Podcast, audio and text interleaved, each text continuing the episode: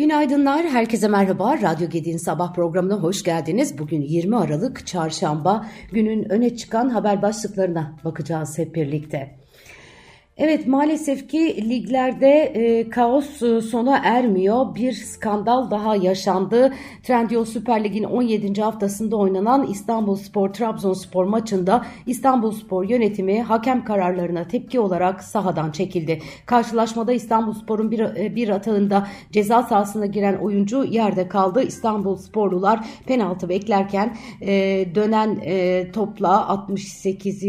dakikada Trabzonspor Onaç'ın Trabzon'un ayağından iki birlik üstünlüğü sağladı.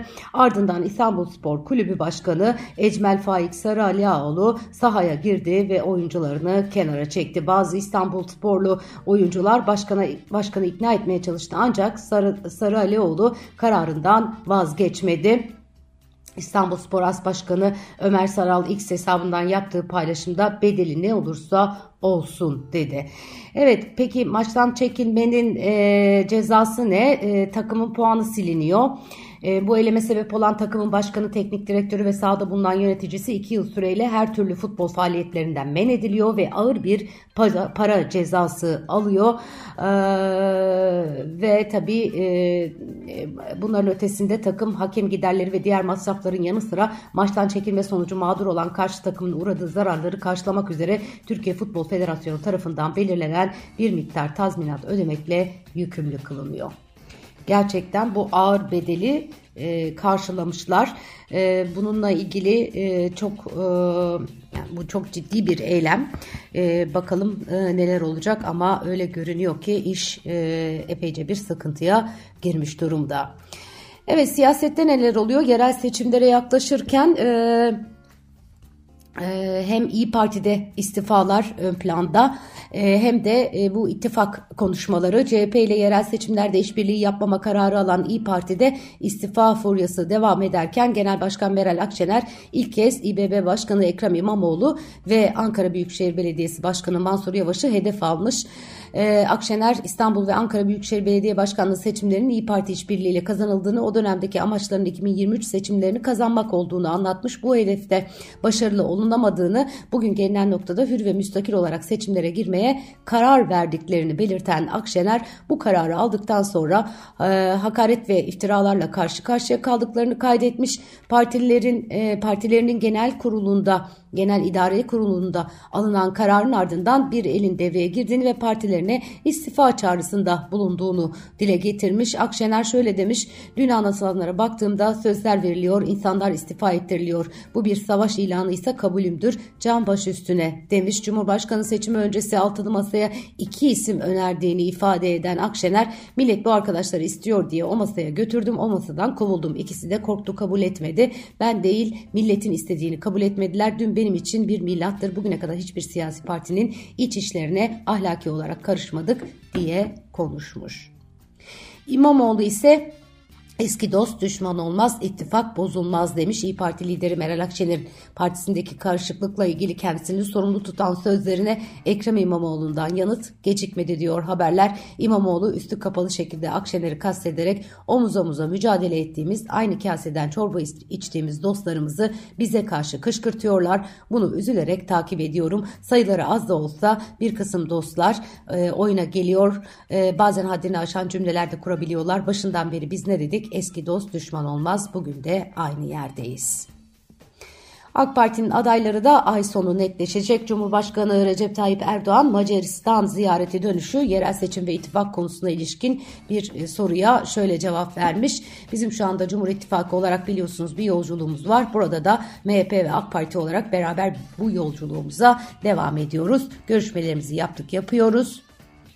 Geçen hafta içinde malum gerek yeniden Refah Partisi gerek Hüdapar gerek diğer iki ortağımızla da görüşmelerimizi yaptık. Şu an itibariyle ekiplerimiz birbiriyle temas halinde. Genel Başkan Vekilimiz Efkan, Efkan Ala ile Genel Başkan Yardımcılarımız Ali İhsan Yavuz ve Yusuf Ziya Yılmaz bizim bu görüşmelerle görevlendirilmiş arkadaşlarımızdır. Ay sonuna kadar e, peyderpey aldığımız e, temayüllerin neticelerini açıklamaya başlayacağız demiş.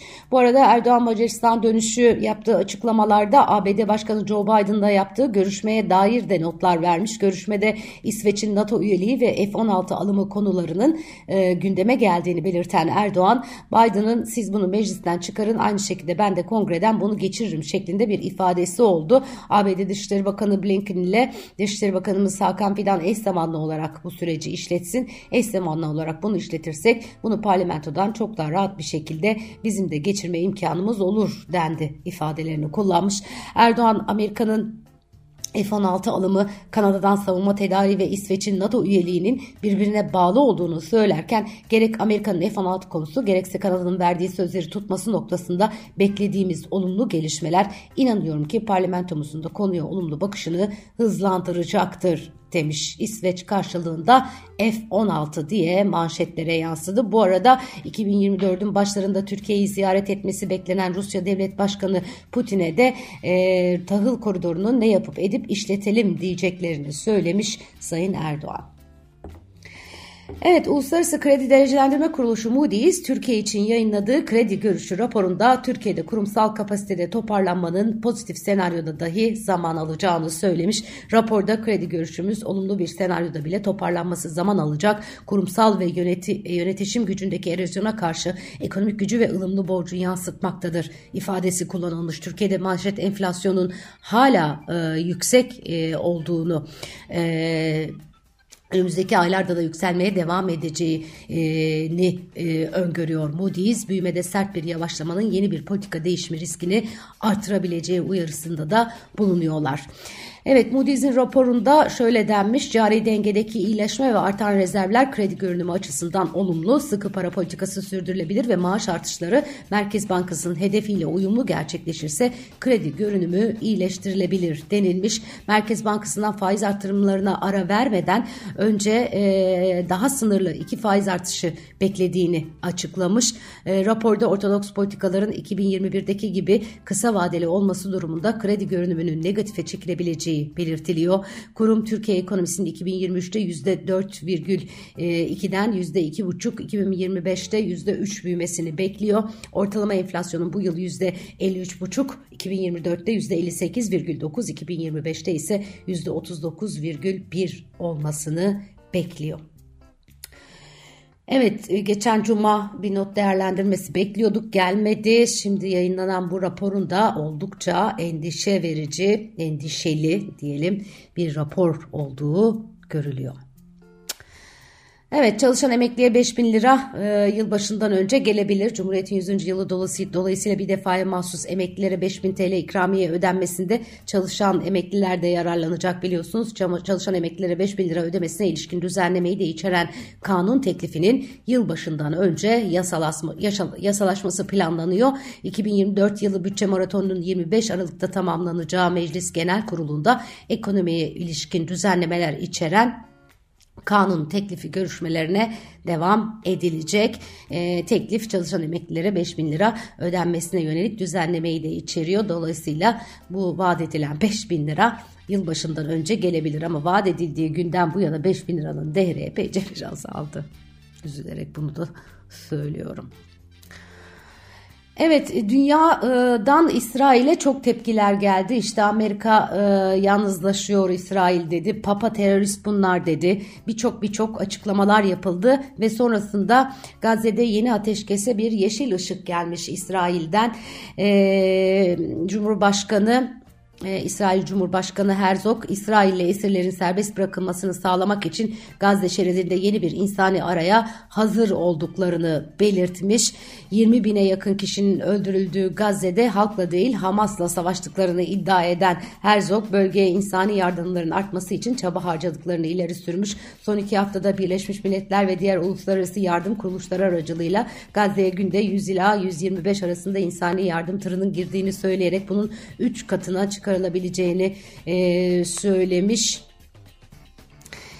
Evet 7 Ekim'den bu yana saldırılarını sürdürdüğü Gazze şeridinde e, İsrail ordusu tarafından öldürülenlerin sayısı son 24 saatte 19.667'ye çıktı. Bunlar tabii resmi rakamlar. Çok üzücü. Putin de Ukrayna'nın geleceği hakkında müzakereye hazırız demiş. Rusya Devlet Başkanı Vladimir Putin isterlerse Ukrayna'nın geleceği hakkında Amerika ve Avrupa ile konuşmaya hazır olduklarını ancak ulusal çıkarlarını savunacaklarını söylemiş. Rusya'nın Avrupa ile kavga etme niyetinde olmadığını da sözlerine ekleyen Putin hali hazırda Ukrayna'nın uluslararası alanda tanınan topraklarının yaklaşık %17,5'unu kontrol ediyor. Avrupa Birliği 4 milyar euroluk Covid aşısını imha etmiş. E, Politico'nun 19 Avrupa Birliği üyesi ülkeden edindiği verilere dayandırdığı haberde 200 milyon dozdan fazla son kullanma tarihi dolan Covid-19 aşısının imha edildiği söyleniyor. Ee, Avrupa Birliği'nin Pfizer ve BioNTech ile 1.1 milyar doz satın almak üzere imzaladığı anlaşmayla alınmış bunlar. Yine aynı dönemde Batı ülkelerince fazla alınan aşıların Afrika başta olmak üzere aşıya erişemeyen pek çok ülkeye bağışlanması çabaları düşen talep ve lojistik sorunlar nedeniyle engellendi deniyor. Çok üzücü. Birçok insanlar yararlanamadı, hayatlarını kaybetti ve şimdi o yararlanılamayan aşılar imha ediliyor. Dünyanın hali hakikaten hal değil. Evet Euro bölgesinde Ekim'de %2,9 olan yıllık enflasyon Kasım'da %2,4'e geriledi. Böylece yıllık enflasyon Kasım'da Temmuz 2021'den bu yana en düşük oranını gördü. Euro bölgesinde tüfe Kasım'da bir önceki aya göre ise %0,6 düşüş kaydetti. Euro bölgesinde enflasyonun düşmesi Avrupa Merkez Bankası'nın %2 hedefine giderek daha fazla ulaşabileceği olarak değerlendirildi piyasalardan. E, bu arada Avrupa Merkez Bankası Yönetim Konseyi üyeleri üyelerinden ikisi faiz indirim beklentilerine ilişkin açıklama yapmış. Erken indirimin risklerine karşı uyarıda bulunmuşlar. AB, e, AB, ABD'nin çelik ve alüminyum ithalatına uygulanan misilleme gümrük vergilerini 15 ay daha askıya aldığını duyurmuş. E, diğer yandan e, başka neler var? Şöyle bir bakıyorum e, kaçırdığımız bir şey olmasın. E, Amerika Google'a 700 milyon dolar ceza vermiş. Teknoloji devi Google, Android uygulama mağazası Google Play Store'a karşı rekabeti bastırdığı suçlamasıyla hakkında Amerika'da açılan antitrust davasında 700 milyon dolar ödemeyi kabul etti diyorlar. Evet, bugünün notları özetle böyle sevgili arkadaşlarım. Güzel bir gün diliyorum herkese.